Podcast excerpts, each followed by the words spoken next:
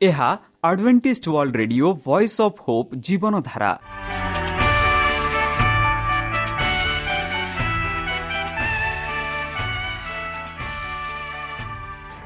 Odia radio କାର୍ଯ୍ୟକ୍ରମ ଯାହା ଆମର ଆନ୍ତର୍ଜାତୀୟ ଆଘାତ କେନ୍ଦ୍ରରୁ ପ୍ରସାରଣ କରାଯାଉଛି ପ୍ରତିଦିନ ରାତି ନଅଟା ତିରିଶ ମିନିଟ୍ରେ।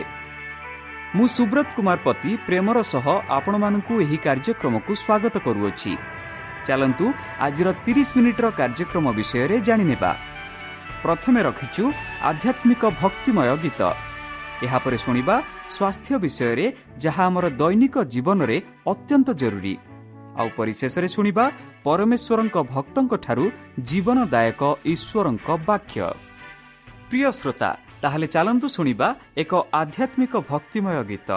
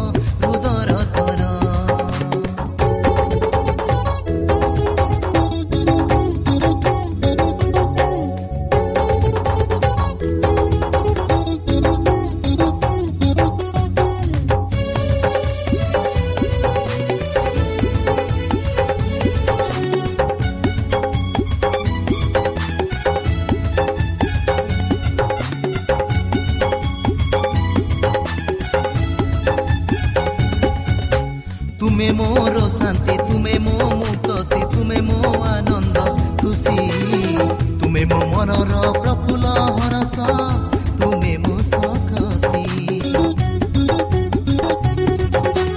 ତୁମେ ମୋର ଗତି ତୁମେ ମୋର ସାଥୀ ତୁମେ ମୋ ଠୋର ଗୀତି ତୁମେ ମୋ ଆତ୍ମାର ଶୀତଳ ପବନ ମୋ ଜୀବନ ଜ୍ୟୋତି ଅଟେ ମୋ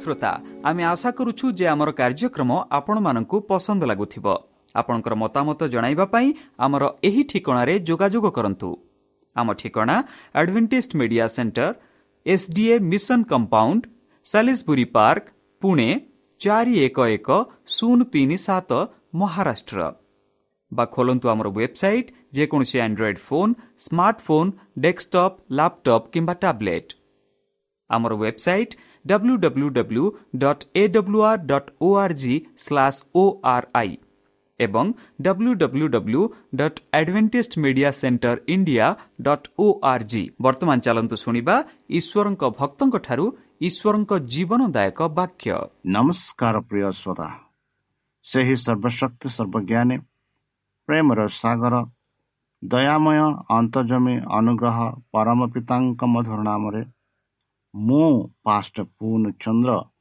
ଆଉ ଥରେ ଆପଣମାନଙ୍କୁ ଏହି କାର୍ଯ୍ୟକ୍ରମରେ ସ୍ୱାଗତ କରୁଅଛି। ସେହି ସର୍ବଶକ୍ତି ପରମେଶ୍ୱର ଆପଣଙ୍କୁ ଆଶୀର୍ବାଦ କରନ୍ତୁ। ଆପଣଙ୍କୁ ସମସ୍ତ ପ୍ରକାର ଦୁଃଖ କଷ୍ଟ ବାଧା କ୍ଲେଶ ଓ ରୋଗରୁ ଦୂରେଇ ରଖନ୍ତୁ। ଶତ୍ରୁ ସୈତାନ ହସ୍ତରୁ ସେ ଆପଣଙ୍କୁ ସୁରକ୍ଷାରେ ରଖନ୍ତୁ। ତାହାଙ୍କ ପ୍ରେମ ତାହାଙ୍କ ସ୍ନେହ ତାହାଙ୍କ କୃପା ତାହାଙ୍କ ଅନୁଗ୍ରହ ସଦାସର୍ବଦା ଆପଣଙ୍କଠାରେ ରହୁ। ପ୍ରିୟସତା ଚାଲନ୍ତୁ କିଛି ସମୟ ପବିତ୍ର ଶାସ୍ତ୍ର ବାଇବଲଠୁ ତାହାଙ୍କ ଜୀବନଦାୟକ ବାକ୍ୟ ଧ୍ୟାନ କରିବା। ଆଜିର ଆଲୋଚନା ହେଉଛି ଅନୁପ୍ରେରଣା କିପରି କାର୍ଯ୍ୟ କରେ? ଯେପରି ଗତ ଦୁଇ ଦିନ ବିଷୟରେ ସେଇ ଯେଉଁ ଅନୁପ୍ରେରଣାର ବିଷୟରେ ଆମେ ଶିକ୍ଷା କରିଥିଲୁ ସେହି ଅନୁପ୍ରେରଣା କିପରି କାର୍ଯ୍ୟ କରେ ତାହା ବିଷୟରେ ଆମେ ଆଜି ବିଶେଷ ଭାବରେ ଆଲୋଚନା କରିବା ଭାଗ ଏକ। ତାହା ପୂର୍ବେ ଚାଲନ୍ତୁ ପବିତ୍ର ଶାସ୍ତ୍ର ବାଇବଲରେ ଏମାନଙ୍କୁ ଏହି ବିଷୟରେ କ'ଣ କୁହେ ତାହା ପଢ଼ିବା। ଦ୍ୱିତ ବିବରଣ ଚାରି ଏକ ଟୁ ନଅରେ ଆଉ ତାର ଅଠର ପନ୍ଦର ଟୁ ଉଣେଇଶରେ ଏହା ବିଷୟରେ କ'ଣ କହୁଛି ଚାଲ ଆମେ ଦେଖିବା। ପ୍ରଥମେ ଆମେ ଦେଖିବା ଦ୍ୱିତ ବିବରଣ ଚାରି ଏକ ଟୁ ନଅ। ଏବେ ହେ ଇସ୍ରାଏଲ ମୁଁ ଯେ ବିଧି ଓ ଶାସକ ପାଳନ କରିବା ପାଇଁ ତୁମମାନଙ୍କୁ ଶିକ୍ଷା ଦେଇଅଛି ତହିଁରେ ମନୋଯୋଗ କର। ତାହା କଲେ ତୁମମାନଙ୍କ ବଞ୍ଚିବ ତୁମାନେ ବଞ୍ଚିବ। ଆଉ ସଦାପ୍ରଭୁ ତୁମମାନଙ୍କ ପୂର୍ବପୁରୁଷ ଗଣର ପରମେଶ୍ୱର ତୁମମାନଙ୍କ ଯେଉଁ ଦେଶ ଦେବେ ତହିଁରେ ପ୍ରବେଶ କରି ତାହାଙ୍କ ଅଧିକାର କରିବ। ବନ୍ଧୁ କେଡ଼େ ସୁନ୍ଦର ଭାବରେ ଈଶ୍ୱରଙ୍କ ଅନୁକରଣର କାର୍ଯ୍ୟ ବିଷୟରେ ଆମେ ଦେଖାଉଛୁ। ସେ କହନ୍ତି ସେଇ ଇସ୍ରାଏଲ ପ୍ରଜାମାନଙ୍କୁ ଯଦି ତୁମେ ସେହି ବିଧି ଓ ସେହି ଶାସନ ତୁମେ ପାଳନ କରିବ ଯେଉଁ ଶିକ୍ଷା ମୁଁ ଦେଉଛି ତାକୁ ମନୋଯୋଗ ଦେବ ତେବେ ତୁମେ ବଞ୍ଚିବ ତୁମେ ମୃତ୍ୟୁ ହେବନି ଦୀର୍ଘ ସମୟ ରହିବ ବୋଲି ଯୀଶୁ ଖ୍ରୀଷ୍ଟ ତାଙ୍କ ଦାସ ମୋ ସାଙ୍ଗ ଦ୍ୱାରା କହୁଅଛନ୍ତି। ଆଉ ସଦାପ୍ରଭୁ ତୁମମାନଙ୍କ ପୂର୍ବପୁରୁଷଗଣର ପରମେଶ୍ୱର ତୁମମାନଙ୍କୁ ଯେଉଁ ଦେଶ ଦେବେ ତହିଁରେ ପ୍ରବେଶ କରି ତାହାର ଅଧିକାର କରିବ। ଯେଉଁ ଦେଶ ତୁମମାନଙ୍କୁ ଦେବାକୁ ଯାଉଅଛନ୍ତି ସେଇ ପ୍ରଭୁ ସେଇ ଦେଶରେ ତୁମେ ଅଧିକାର ରହିବ। ଯଦି ତୁମାନେ ତାହାଙ୍କ ବିଧି ପାଳନ କରିବ ସେ ତାଙ୍କ ଶାସନ ତାଙ୍କ ଶିକ୍ଷା ପାଳନ କରିବ ମନୋଯୋଗ ଦେବ ସେତେବେଳେ ସେଇ ଦେଶରେ ତୁମେ ଅଧିକାର କରିବ ଏହିପରି ଆମେ ଦ୍ୱିତୀୟ ବିବରଣ ଚାରି ଏକ ଦୁଇ ଏକରେ ଦେଖୁଅଛୁ। ଦୁଇରେ ଆମେ ଏପରି ଦେଖୁଅଛୁ ମୁଁ ତୁମମାନଙ୍କୁ ଯାହା ଆଜ୍ଞା ଦେଇଅଛି ସେହି ବାକ୍ୟରେ ତୁମାନେ କିଛି ମିଶାଇବ ନାହିଁ କି ଅବା ତହିଁରୁ କିଛି ଅଣା କରିବ ନାହିଁ। ମୁଁ ତୁମମାନଙ୍କୁ ଯାହା ଯାହା କହୁଅଛି ତୁମାନେ ସଦାପ୍ରଭୁ ତୁମମାନଙ୍କ ପରମେଶ୍ୱରଙ୍କ ସହି ସବୁ ଆଜ୍ଞା ପାଳନ କର। ବନ୍ଧୁ ଆଜି ଆମ ଦୁନିଆରେ ଅନେକ ଖ୍ରୀଷ୍ଟିଆନ ଭାଇ ଭଉଣୀମାନେ ଅଛନ୍ତି। ଆଉ ସେମାନେ ଅଧିକାଂଶ ସମୟରେ ବାଇବଲର କିଛି ବହିକୁ ବିଶ୍ୱାସ କରନ୍ତି ନାହିଁ। ବାଇବଲର ଯାହା ଲେଖା ଅଛି ସେ ବାକ୍ୟକୁ ସେମାନେ ବିଶ୍ୱାସ କରନ୍ତି ନାହିଁ। ଆଉ ସେମାନେ କହନ୍ତି କି ଯୀଶୁଖ୍ରୀଷ୍ଟ ଏହାକୁ ପରିବର୍ତ୍ତନ କରିଛନ୍ତି। ଆଉ ସେମାନେ କହନ୍ତି କି ପାଉଲ ମାନେ ପ୍ରେରିତ ଲୋକମାନେ ଏହାକୁ ପରିବର୍ତ୍ତନ କରିଛନ୍ତି ବୋଲି।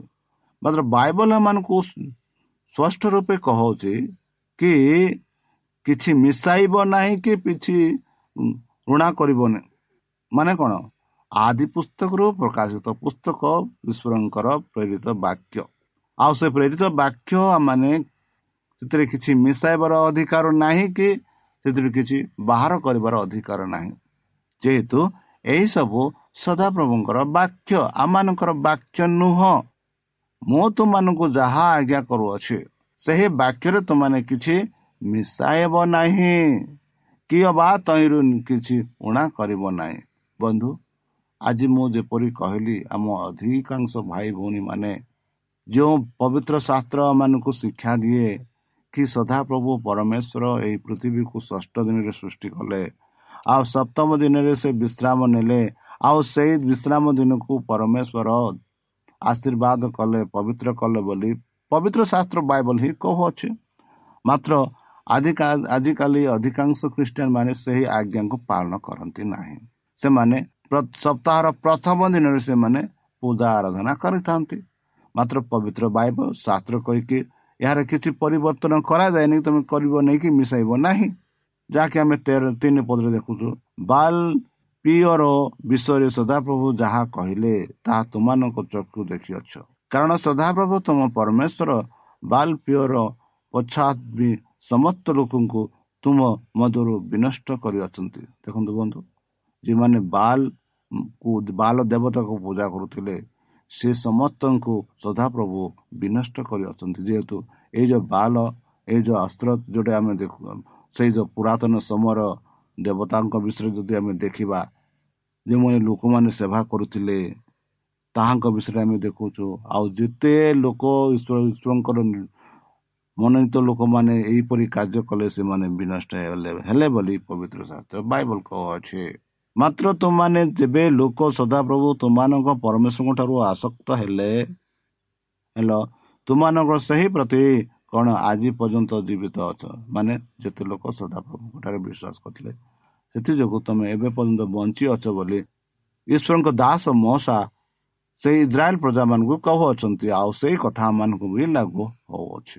ଦେଖ ସଦାପ୍ରଭୁ ମହର ପରମେଶ୍ୱର ମୋତେ ଯେପରି ଆଜ୍ଞା ଦେଲେ କିଏ କହନ୍ତି? ମଶା କହନ୍ତି ସଦାପ୍ରଭୁ ପରମେଶ୍ୱର ମୋତେ ଯାହା ଯେପରି ଆଜ୍ଞା ଦେଲେ ମୁଁ ତୁମମାନଙ୍କ ସେପରି ବିଧି ଓ ଶାସକ ଶିକ୍ଷା ଦେଇଅଛି ଯାହା ସଦାପ୍ରଭୁ କହିଲେ ତାହା ମୁଁ କରୁଅଛି ତୁମେ ଯେଉଁ ଦେଶ ଅଧିକାର କରିବାକୁ ଯାଉଅଛ ତହିଁ ମଧ୍ୟ ତୁମମାନଙ୍କ ତଦନୁସାରେ ବ୍ୟବହାର କରିବାକୁ ହେବ। ମାନେ ଯାହା ସାହା ସଦାପ୍ରଭୁ ପରମେଶ୍ୱରଙ୍କୁ ଯେଉଁ ବିଧି ଯେଉଁ ଶାସନ ଯେଉଁ ଶିକ୍ଷା ଦେଇଅଛି ତଦନୁସାରେ ତାହା ପାଳନ କରିବ ଭୁଲିବ ନାହିଁ ବୋଲି ମଶା ଇସ୍ରାଏଲ ପ୍ରଜାମାନଙ୍କୁ କହୁଅଛନ୍ତି। ଆଉ ସେ କଥା ଆମମାନଙ୍କୁ ବି ଲାଗୁ ହେଉଅଛି ବନ୍ଧୁ। ଏଣୁ ତୁମାନେ ତାହା ସବୁ ପାଳ କର। କାରଣ ନାନା ଦେଶୀୟ ଲୋକମାନେ ସାକ୍ଷାତରେ ଏହା ହିଁ ତୁମମାନଙ୍କର ଜ୍ଞାନ ବୃଦ୍ଧି ସ୍ୱରୂପ ହେବ। ଆଉ ସେମାନେ ଏସବୁ ଏହିସବୁ ବିଧି ଶୁଣି କହିବେ ଏହି ମହାଗୋଷ୍ଠୀ ନିତା।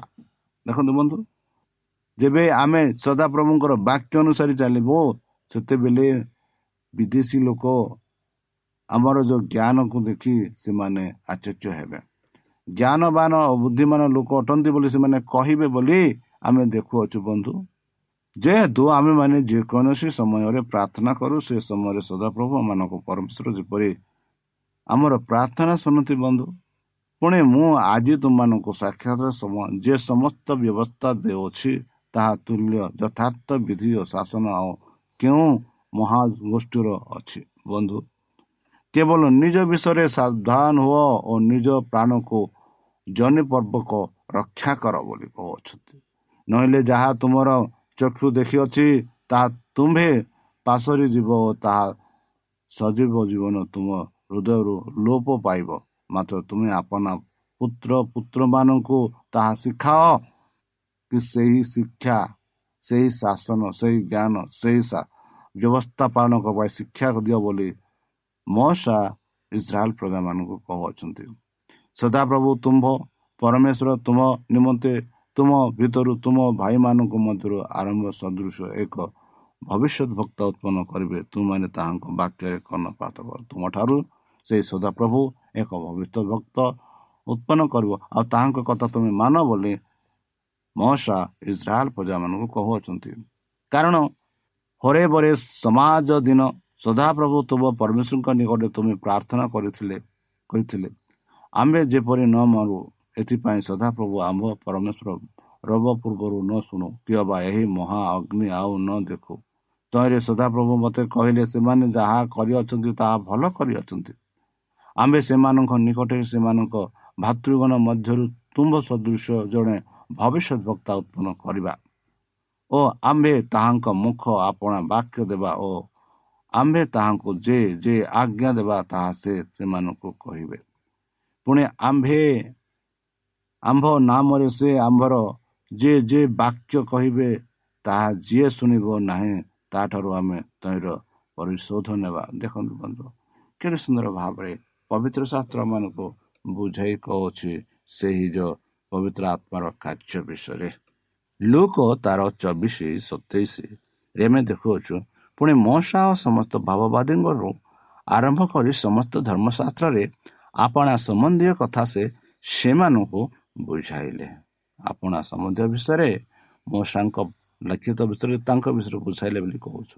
କହୁଅଛି ସେହିପରି ଦାନିଏଲ ଆଠ ସତେଇଶରେ ବି କହୁଛି ଅନନ୍ତର ମୁଁ ଦାନିଏଲ ହେଲି ଓ ଆନନ୍ଦେ ଅନେକ ଦିନ ପର୍ଯ୍ୟନ୍ତ ପୀଡ଼ିତ ହେଲି ତହିଁ ଉତ୍ତାରେ ମୁଁ ଉଠି ରାଜ କାର୍ଯ୍ୟ କଲି ଆଉ ମୁଁ ସେହି ଦର୍ଶନରେ ଚମତ୍କୃତ ହେଲି ମାତ୍ର କେହି ଦର୍ଶନ ବୁଝିଲେ ନାହିଁ ଏଭ୍ରି ଏଗାର ଆଠ ଦଶରେ ଆମେ ପାଉଛୁ ସେଇ ଯେଉଁ ବିଶ୍ୱାସୀ ମାନଙ୍କର ହିରୋ ହିରୋ ମାନଙ୍କ ବିଶ୍ୱାସ ଦ୍ୱାରା ଅବ୍ରାହମ ଆହ୍ୱାନ ପ୍ରାପ୍ତ ହୁଅନ୍ତେ ଅବ୍ରାହମ ସେହି ସଦାପ୍ରଭୁଙ୍କୁ ବିଶ୍ୱାସ କଲେ ସେ ପବିତ୍ର ଆତ୍ମା ଅବ୍ରାହମକୁ ସାହାଯ୍ୟ କଲା ଯେଉଁ ଦେଶ ସେ ଅଧିକାର ସ୍ୱରୂପ ପାଇବାକୁ ଯାଉଥିଲେ ଆଜ୍ଞା ହୋଇ ସେ ସେଠାକୁ ବାହାରି ଗଲେ ପୁଣି ସେ କେଉଁଠାକୁ ଯାଉଛନ୍ତି ତାହା ନ ଜାଣି ସୁଦ୍ଧା ବାହାରି ଗଲେ ଦେଖନ୍ତୁ ବନ୍ଧୁ ତାହା ହେଉଛି ବିଶ୍ୱାସ। ବିଶ୍ୱାସ ଦ୍ୱାରା ବିଦେଶୀ ସ୍ୱରୂପେ ପ୍ରତିଜ୍ଞାତ ଦେଶରେ ପ୍ରଭାସିତ ହୋଇ ପ୍ରତିଜ୍ଞା ଅଧିକାରୀ ଇଶାକ ଓ ଜାକୁବ ସହିତ ତମରେ ବାସ କଲେ। କାରଣ ଯେଉଁ ନଗର ଭିତ୍ତିମୂଳ ବିଶିଷ୍ଟ ପୁଣି ଯାହାର ଶିଳ୍ପୀ ଓ ନିର୍ମାଣ ସ୍ୱୟଂ ଈଶ୍ୱର ସେ ତହିଁର ଅପେକ୍ଷାରେ ଥିଲେ। ପ୍ରଥମ ପିତର ଏକ ଦଶ ଏକରେ ଆମେ ଦେଖୁଛୁ ବନ୍ଧୁ। ସେହି ପରିତ୍ରାଣ ସମ୍ବନ୍ଧରେ ଜଣେ ସହକାରେ ଅନ୍ୱେଷଣ ଅନୁସନ୍ଧାନ କରେ।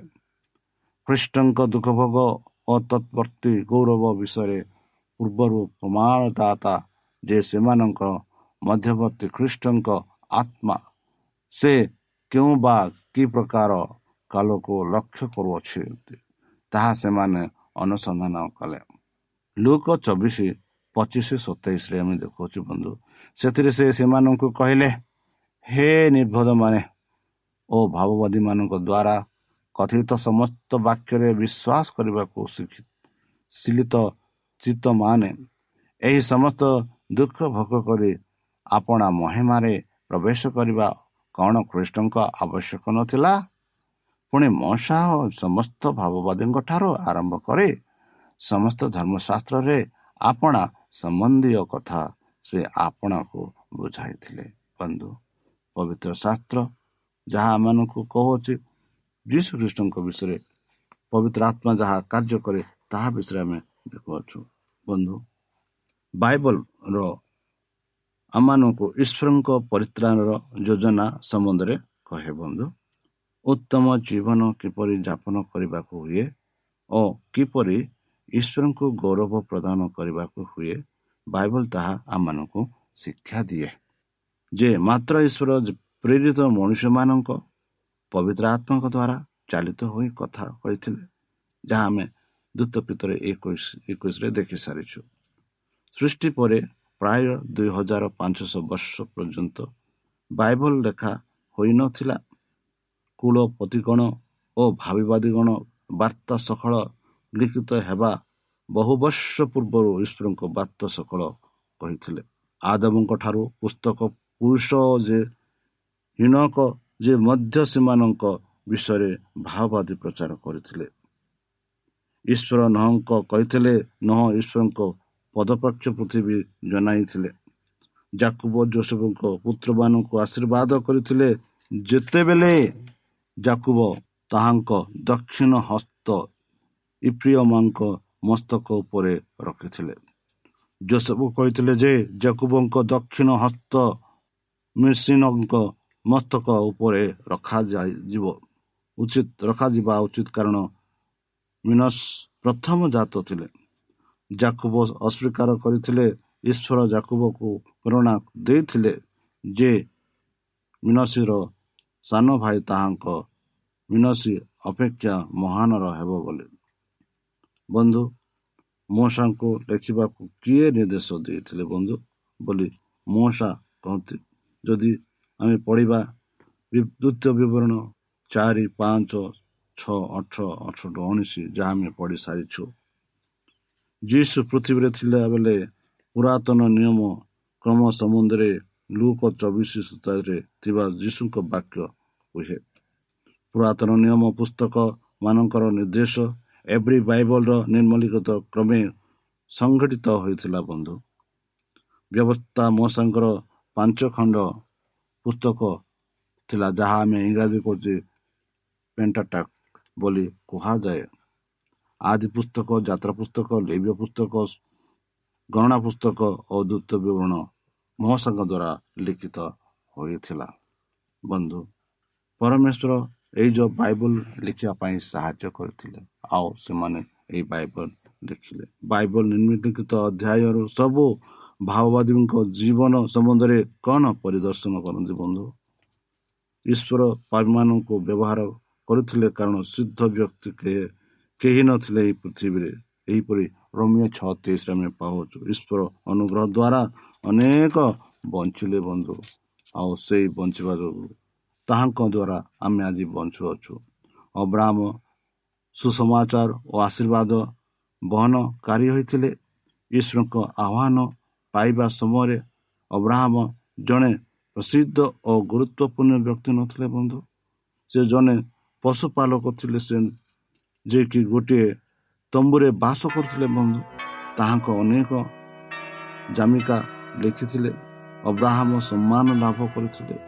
କାରଣ ସେ ଈଶ୍ୱରଙ୍କ ପ୍ରତି ବିଶ୍ୱସ୍ତ ଥିଲେ ସେ ଖୁବ୍ ବିଶ୍ୱାସ ଥିଲେ ଆଉ ଅନ୍ୟ ଲୋକମାନଙ୍କ ପ୍ରତି ଉତ୍ତମ ବ୍ୟବହାର କରୁଥିଲେ ଅବ୍ରାହମ ସ୍ୱାର୍ଥରେ ନଥିଲେ ସେ ପୃଥିବୀ ସ୍ୱର୍ଗ ଦୂତଗଣଙ୍କ ଓ ମନୁଷ୍ୟମାନଙ୍କ ନିମନ୍ତେ ଗ୍ରହଣ ଆଦର୍ଶ ବ୍ୟକ୍ତି ଥିଲେ ବନ୍ଧୁ ତାହେଲେ ଚାଲନ୍ତୁ ସେହି ପରମେଶ୍ୱର ଯାହାକି ସେହି ପବିତ୍ର ଆତ୍ମ ଦ୍ୱାରା ଆମ ଜୀବନରେ କାର୍ଯ୍ୟ କରେ ତା ପାଇଁ ଆମେ ପରମେଶ୍ୱରଙ୍କ ଠାରେ ପ୍ରାର୍ଥନା କରିବା ଯେପରି ସେହି ପରମେଶ୍ୱର ଆମମାନଙ୍କୁ ସାହାଯ୍ୟ କରିବେ ତାଙ୍କ ବାକ୍ୟ ଦ୍ୱାରା ଯେପରି ଆମେ ଜାଣିପାରିବା ତାହାଙ୍କୁ। ତାହେଲେ ଚାଲନ୍ତୁ ନିଜକୁ ସମର୍ପଣ କରି ତାହାଙ୍କ ମଧ୍ୟରୁ ନାମରେ ଆମେ ପ୍ରାର୍ଥନା ଉତ୍ସର୍ଗ କରିବା। ହେ ଆମ୍ଭମାନଙ୍କ ସର୍ବଶକ୍ତି ସର୍ବଜ୍ଞାନୀ ପ୍ରେମର ସାଗର ଦୟାମୟ ଅନ୍ତର୍ଜମୀ ଅନୁଗ୍ରହ ପରମ ପିତା ଧନ୍ୟବାଦ ଅର୍ପଣ କରୁଛୁ ପ୍ରଭୁ। ବର୍ତ୍ତମାନ ଯେଉଁ ବାକ୍ୟ ତୁମ ଭକ୍ତମାନଙ୍କୁ ଶୁଣିଲେ ସେହି ବାକ୍ୟ ଅନୁସାରେ ଏମାନଙ୍କୁ ଚାଲିବା ପାଇଁ ବୁଦ୍ଧିରେ ଜ୍ଞାନରେ ଶକ୍ତିରେ ପରିପୂର୍ଣ୍ଣ କର। ଆମ ପାପ ସବୁ ତୁମ ସେହି ବହୁମୂଲ୍ୟରେ ପରିଷ୍କାର ରୂପେ ଧରିଦିଅ ଆଉ ପରିଶେଷ ଯେବେ ତୁମେ ତୁମ ସେହି ସାହସ ଦୂତଙ୍କ ସହ ଆସିବେ ସେତେବେଳେ ଆମମାନଙ୍କୁ ଏକ ବାସସ୍ଥାନ ଦିଅ ବୋଲି ପ୍ରାଣକର୍ତ୍ତା ପ୍ରଭୁ ଯୀଶୁଙ୍କ ମଧୁର ଏଇ ଛୋଟ ପିକ୍ଷା ମାଗୁଛୁ। ଶୁଣି ଗ୍ରହଣ କର। ଆମେନ୍।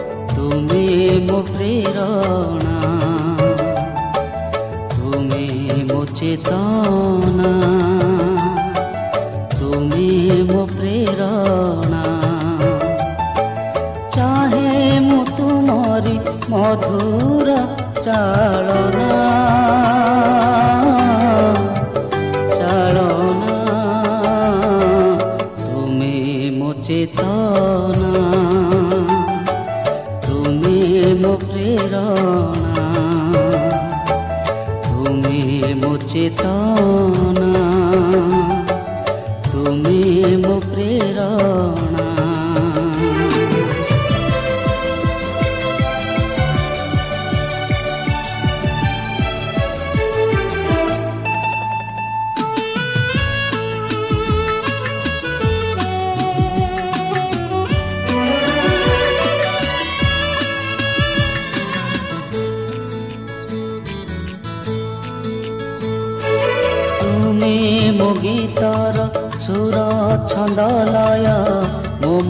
ମନ ଦିଗନ୍ତେ ନବ ସୂର୍ଯ୍ୟୋଦୟ ତୁମେ ମୋ ଗୀତର ସୁର ଛନ୍ଦ ଲୟ ମୋ ମନ ଦିଗନ୍ତେ ନବ ସୂର୍ଯ୍ୟୋଦୟ ମୋ ମନ କାନନେ ମୃଦୁ ସମୀରଣ ମୋ ମନ କାନନେ ମୃଦୁ ସମୀରଣ ତୁମେ ମୋ ଧ୍ୟାନର ପ୍ରଥମ ଭାବନା ଭାବନା ତୁମେ ମୋ ଚେତନା ତୁମେ ମୋ ପ୍ରେରଣା ତୁମେ ମୋ ଚେତନା